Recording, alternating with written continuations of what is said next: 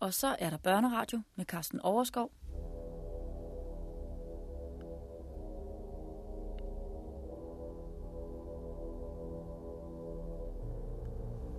Vi så frygtelige ud, møgbeskidte og svinske. Stanken var forfærdelig. Vores nøgne kroppe glinsede af sved. Alle håndjern og lænker skal gås efter, sagde kaptajnen. Pakken, de sørger for, at alt slutter tæt. Hvis bare en af fangerne får en hånd fri af jernet, holder jeg den personligt ansvarlig. Forstået, Pakken? Og så gik kaptajn Edwards, uden at have henvendt et ord til os. Uden at have værdiget os et blik. Parkin var en lille, tæt bygget fyr. Jeg afskyede ham fra første sekund. Bredskuldret og usædvanligt behåret. Han lignede en gorilla med den hårvækst. Selv hans øjenbryn, de var så tætte og buskede, at de var vokset sammen på midten.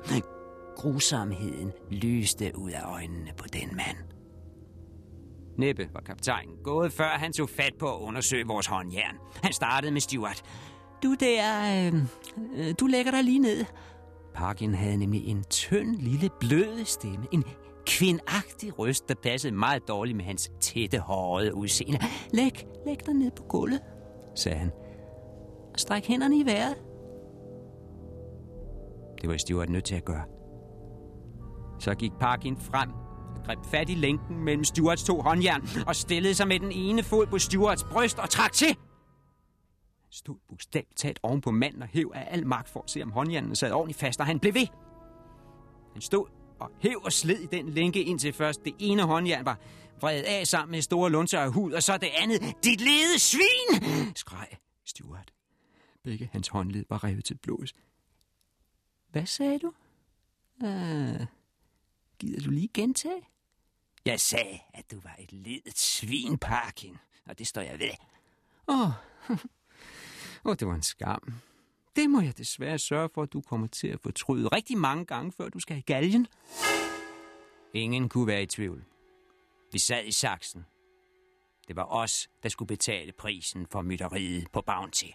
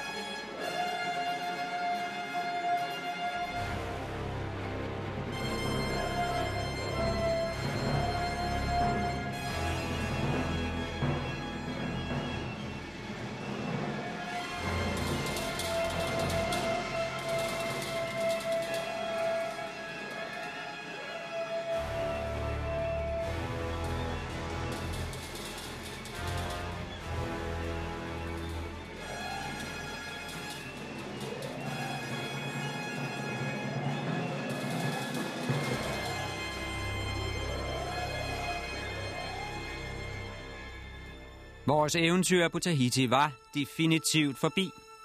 Vi var havnet i kashotten på den engelske fregat Pandora.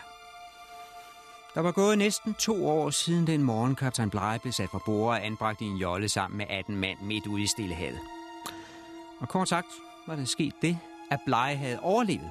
Sammen med de fleste af sine folk var nået hjem til England, hvor flåden straks havde sendt en straffeekspedition afsted til Tahiti, som skulle prøve at fange den oprørske besætning. Og det vil altså sige os. Det var fregatten Pandora, der blev sendt afsted, under ledelse af kaptajn Edward Edwards. De nåede frem til Tahiti i marts måned 1791. På det tidspunkt var vi kun fire tilbage på Tahiti af den oprindelige besætning på Bounty, og vi blev hurtigt arresteret. Nogle dage efter fik de også fat i de 10, der havde prøvet at stikke af i en selvbygget båd. Vi var altså 14 fanger i alt på Pandora, og ifølge den ordre, kaptajn Edward taget med hjemmefra, var vi alle som en medskyldige i mytteriet på Bounty.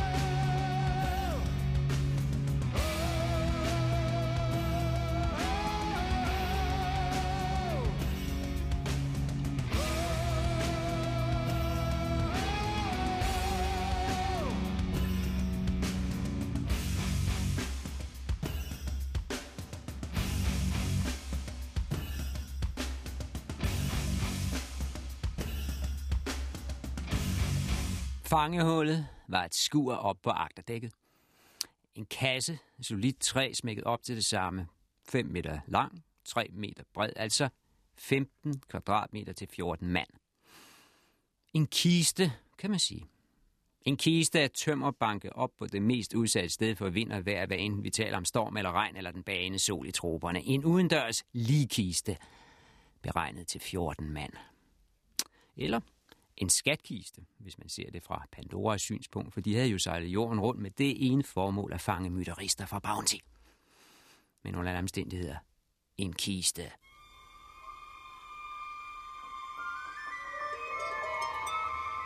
Der var ingen dør. Man kunne kun komme ind og ud af en lem i loftet. En luge, 30-40 cm på hver led. Det var den største åbning, der overhovedet var i vores fængsel. Og der var som regel træmmer for. Derudover var der to små glukhuller i plankevæggen, også med gitter for. Gathullerne ude i siden, hvor havvandet kunne skylle væk over skibssiden, når en bølge havde slået ind over. Vi lå jo direkte på dækket. Vi sad og sov på de rå skibsplanker. Man kunne knap nok stå op derinde.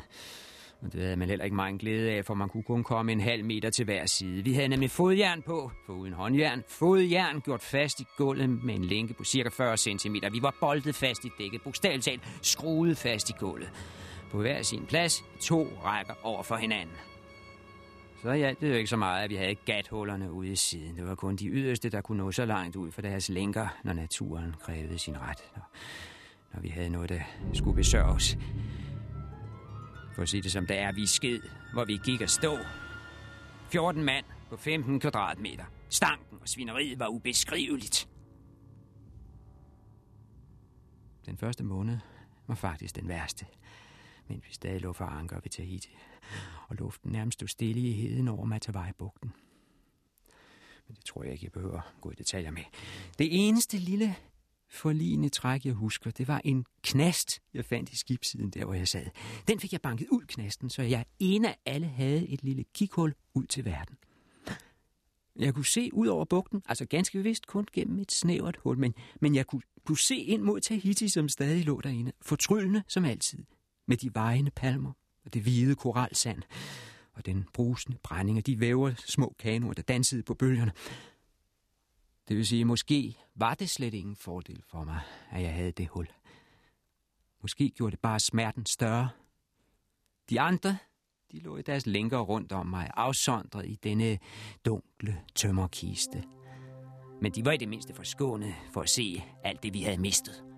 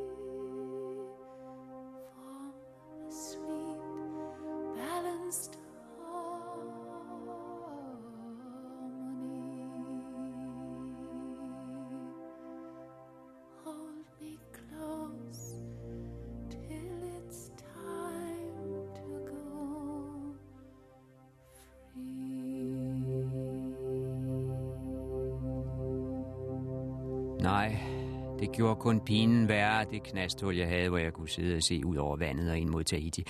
Fordi jeg alt for tit måtte tige stille med, hvad jeg så.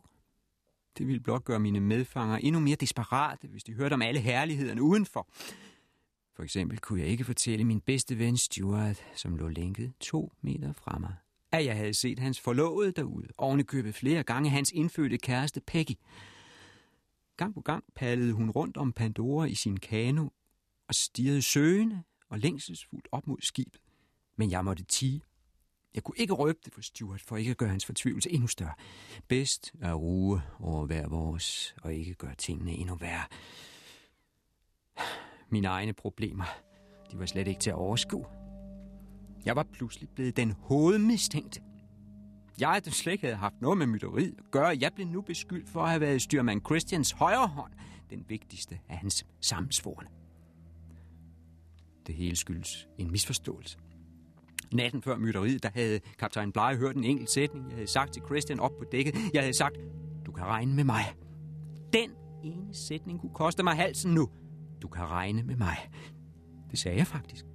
Men det drejede sig ikke om mytteriet overhovedet ikke. Der var ingen, der tænkte på mytteri på det tidspunkt. Ikke engang Christian.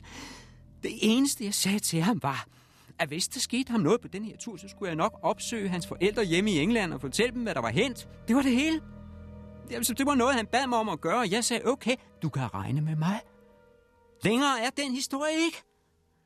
Men Blej har altså hørt det, så bagefter har han tænkt, aha, det var altså der mytteriet blev aftalt. Den nattetime blev planer rænket og løfter svoret, og slyngelen Christian og slyngelen Bayern, det var de to, der stod bag. Sådan har han tænkt. Og sådan havde han, altså Blege, rapporteret det til flådemyndighederne hjemme i London.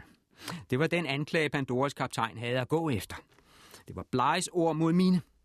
Og han var en erfaren mand med admiralsrang. Der stod respekt om ham mens jeg var en knægt på 19 år. Stinkende, svedende, møgbeskidt lagt i lænker et fjernt sted på den anden side af jordkloden. Jeg kunne allerede mærke rebet, stramme om min hals.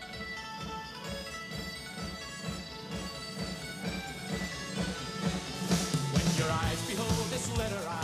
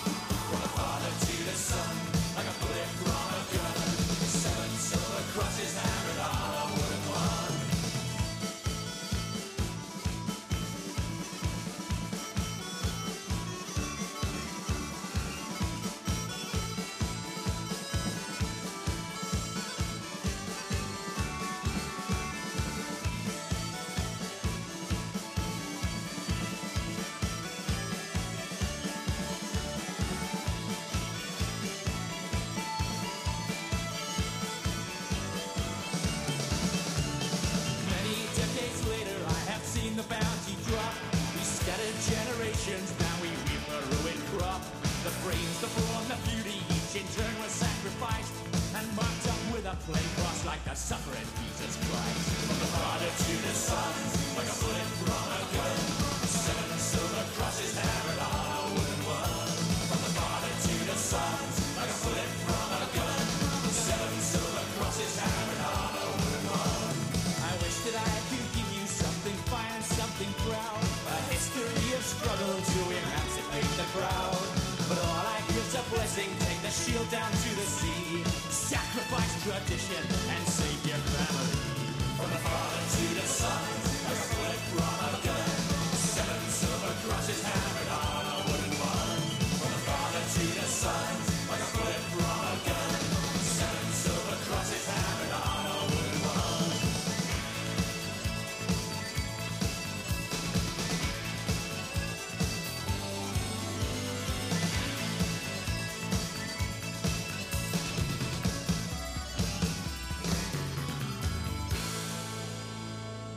En tidlig morgen i maj, mens vi stadig lå ved Tahiti, kom de og løsnede Stuart og mig. Uden at vi fik at vide hvorfor, blev vores fodlænker taget af, og vi fik besked om at kravle ud af loftluen. Uden et ord blev Stuart og jeg ført ned til den kahytskibslægen brugte som sygestue. Vi fik ordre til at træde indenfor. Stadig ingen forklaring. Og døren blev smækket i bag os. Der stod Tehani og Peggy. Og de havde vores små døtre med, for både Stuart og jeg havde lagt os børn til på Tahiti. Men altså høvdingedatteren Tehani, som jeg havde giftet mig med på Tahiti, og den mere jævne Peggy, som Stuart var forlovet med.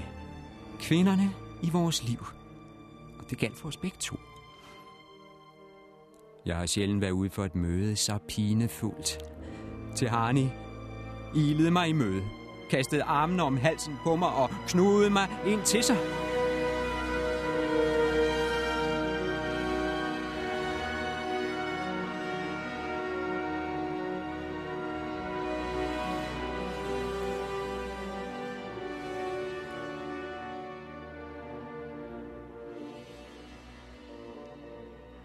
Hun omfavnede mig af længsel og hengivenhed, men det var også en list for at komme så tæt til mit øre som muligt. Nu gav hun sig nemlig til at viske i rivende fart. Der er ingen tid til tårer. Du må sige det her så hurtigt, at vagten ikke hører det. Der er 300 krigere parat, de bedste fra alle øerne. De ligger i skjul ind på kysten. I nat ruer de ud og angriber skib. Kanonerne kan ikke gøre den store skade i mørke. Vores krigere, de kommer i nat. Men vi må vide, hvor på skibet I er, så vi kan slå til der og befri jer. Sidder I alle sammen i det hus, de har bygget på dækket? Hvordan er I lænket? Hvor mange mand er der til at holde vagt? Vores kriger, de venter bare på besked. Bare besked, så, så kommer de.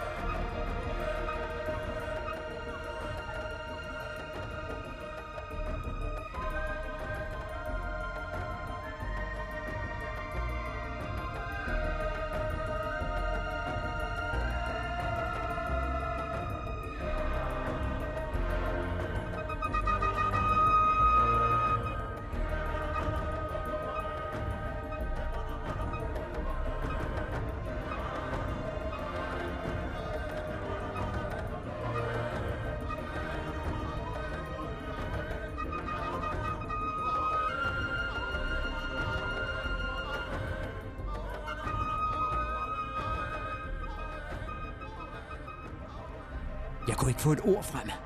Jeg var for overvældet over pludselig at være sammen med Tehani igen. Og samtidig lamslået over hendes vanvittige planer. Så sig det dog, viskede hun. Hurtigt. Vi har kun et par minutter sammen. Tehani, I kan lige så godt opgive. Det er et krigsskib, det her. Alle jeres krigere bliver dræbt. Det bliver meget ned, alle som en. Også hvis I kommer om natten. Der er ingen mulighed for at befri os. Jo, jo. Vi slår dem ned med køller, før de får fat i deres bøsser. I skal befries fra disse onde mænd. Og det skal ske i nat, hvor der ingen måne er. Og det skal ske nu, for vi ved, at skibet snart sejler. Kaptajnen siger, I en flok forbrydere, der skal hjem til England og have jeres straf. Det tror vi ikke på. I kan umuligt være slette mænd. Der er ikke én på Tahiti, der stoler på den kaptajn. Se mig nu, hvor og hvordan I bliver holdt fangen.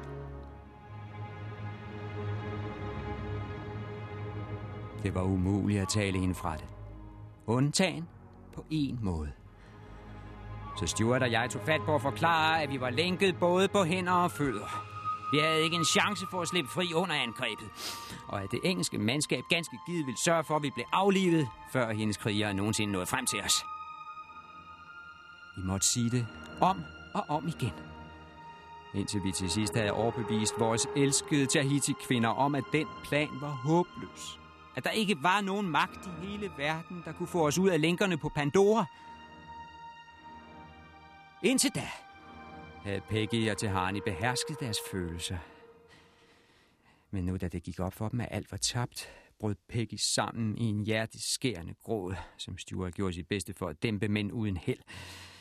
Og til Harni, hun sagt sammen ved mine fødder med en tavs hulken. Det var det sidste møde, vi fik. Jeg har aldrig i livet følt mig så magtesløs og fortvivlet. Kort efter fik jeg det sidste glimt af dem, ud gennem en kanonport. De to kvinder var steget ned i en høvdingekano og var på vej bort fra skibet.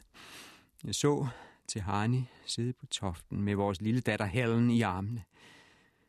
Hende skulle jeg heller ikke se mere.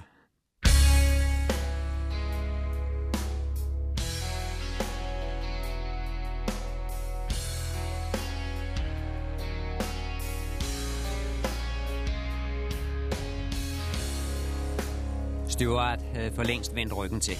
Han kunne simpelthen ikke holde det ud. Vi to betalte en højere pris end nogen andre for mytteriet på Bounty.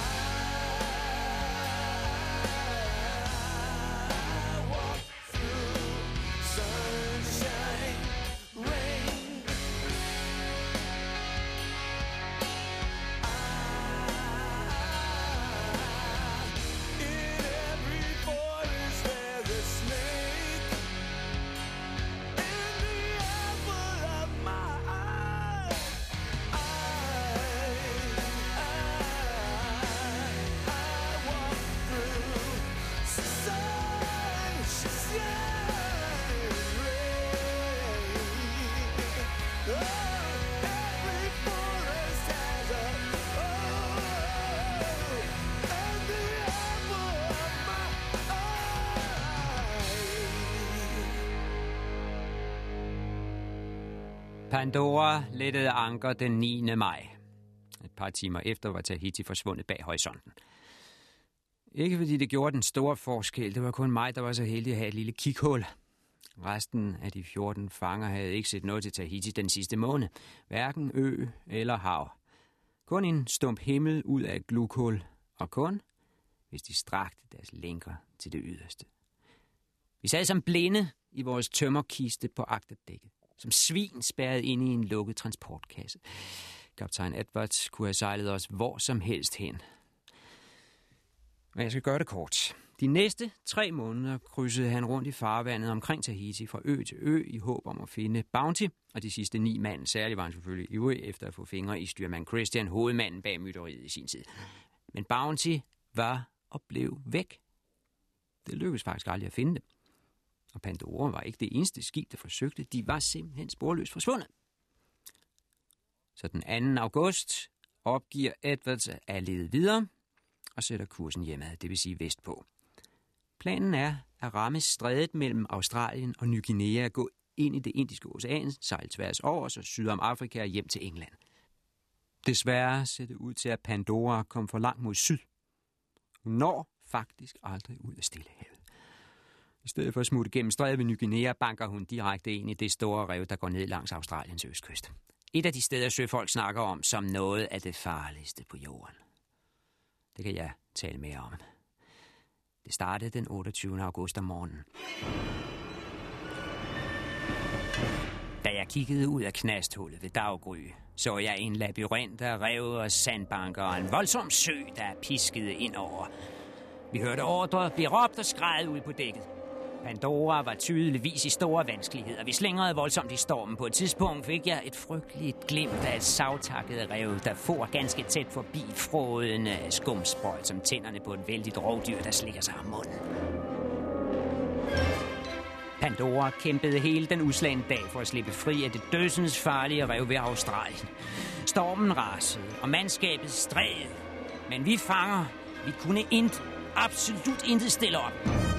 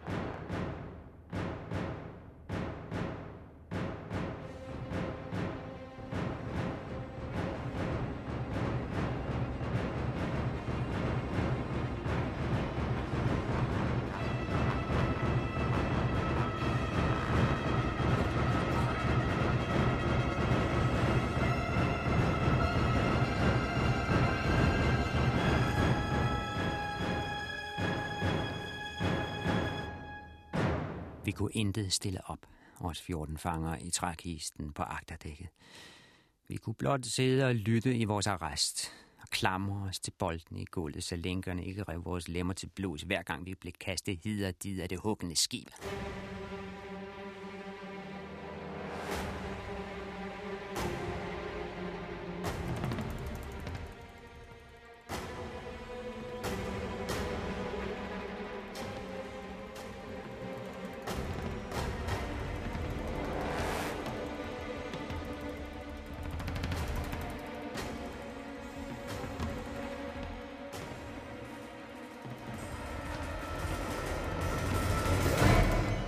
Det fortsatte time efter time. Da mørket faldt på, der brølede havet stadig videre. Ja, endnu værre end før.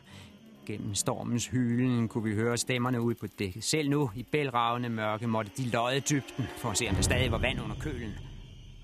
50 fagne, lød det. Men lidt efter. 40 fagne! Så 36. Så 22. Og straks efter det gik skibet over stag.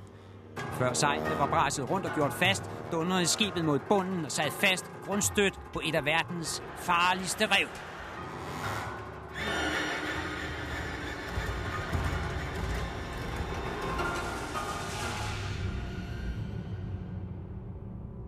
Søen væltede ind over os. Og vi kunne ikke gøre andet end at sidde i vores lænker og blive gennemblødt. Hun tager vand ind! Det der råbte ude på dækket. Der står allerede en meter i lasten. Der blev vi fanger, for alvor grebet af rejse. Sæde, bastet og bundet på et synkende skib, boltet og lænket til skibsplanker, der var på vej ned i dybet. Hvorfor løsnede de os dog ikke og lå os komme til? Lå os, lå, lå os hjælpe til ved pumperne? Men nej, selv da tålte kaptajnen ikke, der blev lindet på vores lænker. Hold kæft, I forbrydere, væsede han ud i stormen. Ingen, absolut ingen bliver løst, før jeg siger til. I samme øjeblik blev skibet løftet af en mægtig dønning, og derpå kylet ind over revet igen, så vi bravede mod grunden og sad endnu mere fast end før.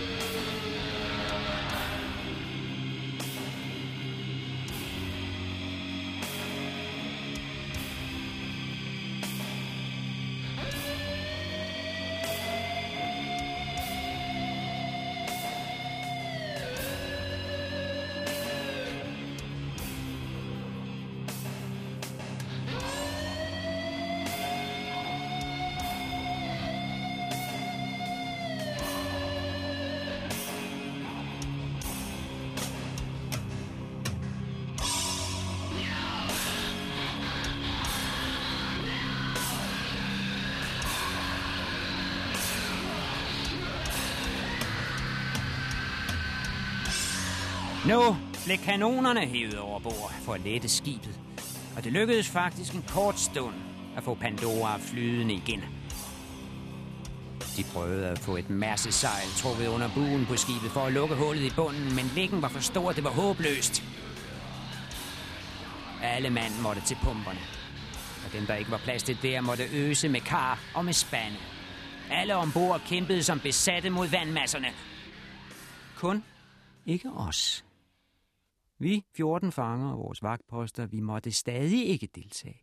Vi skulle blive vores lænker, og skilvagterne skulle blive, hvor de var. Kaptajn Edwards blev ved med at fastholde den ordre. Den dag i dag fatter jeg ikke, hvorfor. Hvorfor måtte vi ikke bidrage til alles redning? Vi var milevidt fra land, bortset fra et par sandbanker og bare klipper. Han kunne roligt have løsnet vores lænker. Der var ingen steder, vi kunne stikke af. Men kaptajnen fastholdt til det sidste at vi skulle blive vores lænker, boldet fast på hænder og fødder, spærret ind i en fælde, klappet i for altid, om den så skulle ende på havets bund.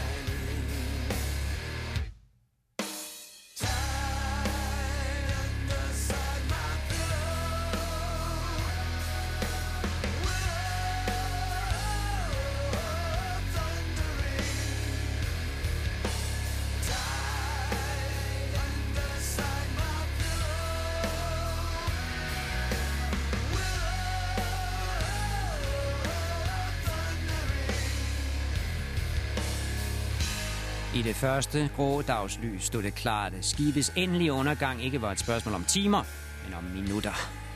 Fregatten Pandora stak agterenden højt op over vandet. Ingen kunne stå oprejst længere på grund af hældningen. Nede i den forreste del af skibet nærmede vandet sig hastigt kanonportene. Mandskabet var på vej i båden. Der blev løbet og trampet i dækket. Der blev slæbt forsyninger til alle joller, men ingen tænkte åbenbart på os. Vi råbte, skreg, vi bønfaldt dem om ikke at glemme os. Flere af os rev skinnebenet til blods i fortvivlet forsøg på at sparke fodlænkerne af. Men ingen, absolut ingen, kom os til undsætning.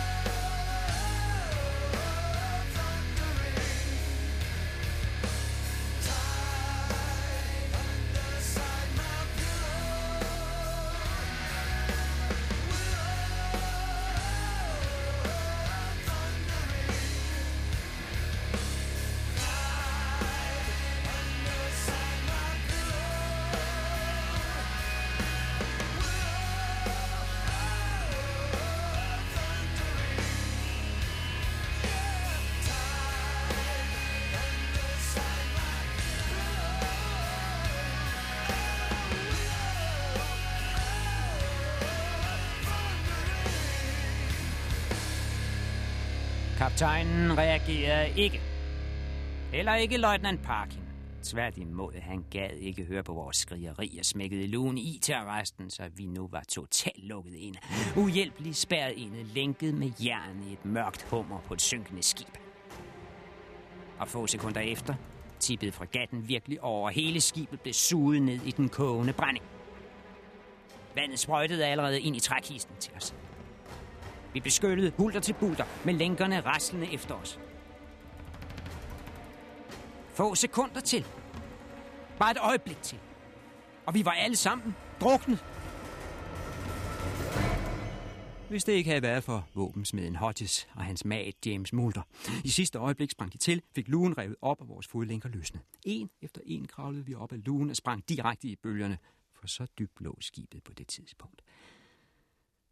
Ret meget mere husker jeg ikke. Jeg svømmede af al magt for at komme fri af den synkende fregat, og jeg undgik med nød og næppe at blive suget med ned, da Pandora et øjeblik efter forsvandt under havet med et sidste knagende suk.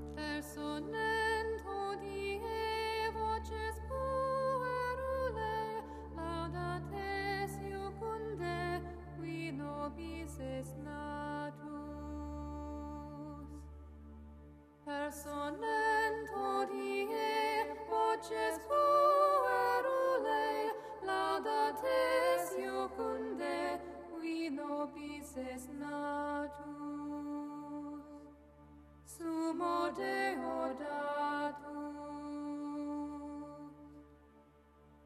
Ideo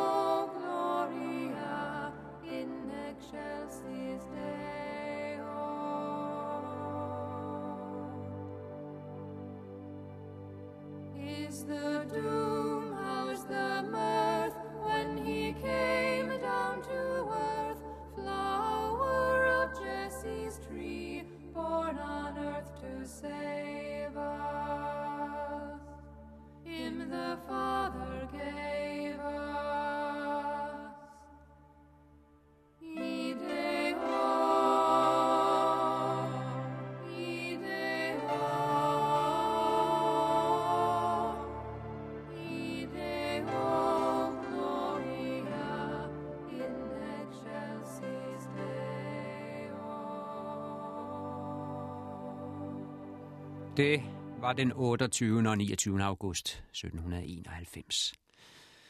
I den storm ved Australiens kyst gik Pandora til grunde. 33 mand af besætningen druknede, og fire af fangerne fra Bounty. Resten redde sig i land på en sandbanke tre mil væk. Men 10 af os overlevede trods alt. Nogle af os ovenikøbet med håndjern på. 10 ud af 14 fanger, det må jo skyldes, at vi havde lært alt om svømningens kunst, mens vi var på Tahiti. De fleste sømænd, de kan nemlig slet ikke svømme. De kunne aldrig drømme om at tage et havbad eller springe på hovedet i en flod. Men det havde vi gjort. I rigt mål. Mens vi boede blandt de indfødte. Vi havde lært at værdsætte deres badeskikke. Jeg ligefrem elske dem. Så vi, straffefanger, vi boldrede os som sæler i vandet, mens søfolkene gik til bund som blylodder. I det hele taget gik mine tanker tilbage til Tahiti, da jeg stod drivvåd og frysende på den nøgne sandbanke. For blandt dem, der forsvandt den morgen, var Stuart, min bedste kammerat fra Tahiti-tiden. Han var ikke kommet langt nok væk fra fregatten, da den sank, og han blev ramt af et stykke tømmer i hovedet. Han gik til bunds på stedet. Morrison havde set det, så der var ingen tvivl. Stuart var død. Den mand, der havde haft sin blomsterhave på Tahiti. Den mand, der fik 14 måneder sammen med sin elskede Peggy i fuldendt lykke. Den mand, der ligesom jeg var vokset sammen med de øer, var gået i et med de indfødte, havde lært, at livet har andet og mere at byde på, end europæere forstår. Jeg ser ham stadig for mig i den have i dalen ved Tipau. Altid med jord under neglene. Se ham glæde sig over det grønne væld af bregn og fryde sig over de pragtfulde blomster i alle farver. Begejstre sig over enhver ny plante, der skød op. Og hele tiden dybt forelskede sin Peggy. Og jeg kan stadig se vores to små børn, Stuarts datter og min, se dem ligge trygt og stille og sove side om side i et vuggende skildpaddeskjold spændt ud mellem to palmer, der svejer blidt i brisen og kaster livlig skygge ned over børnene og os. Min bedste ven og jeg, siddende med vores kvinder i det kridhvide koralsand på en strandbred på Tahiti. Farvel, Stuart. Vi fik trods alt lidt ud af livet.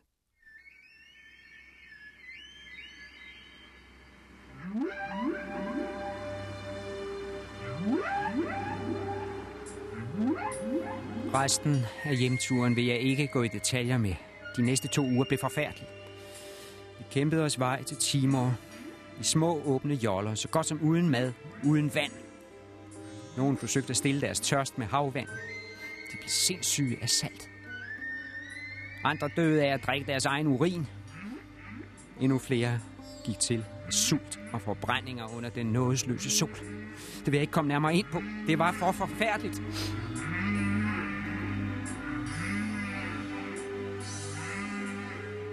Men vi nåede der omsider til Kupangbugten på Timor og kom ombord på et rigtigt skib igen.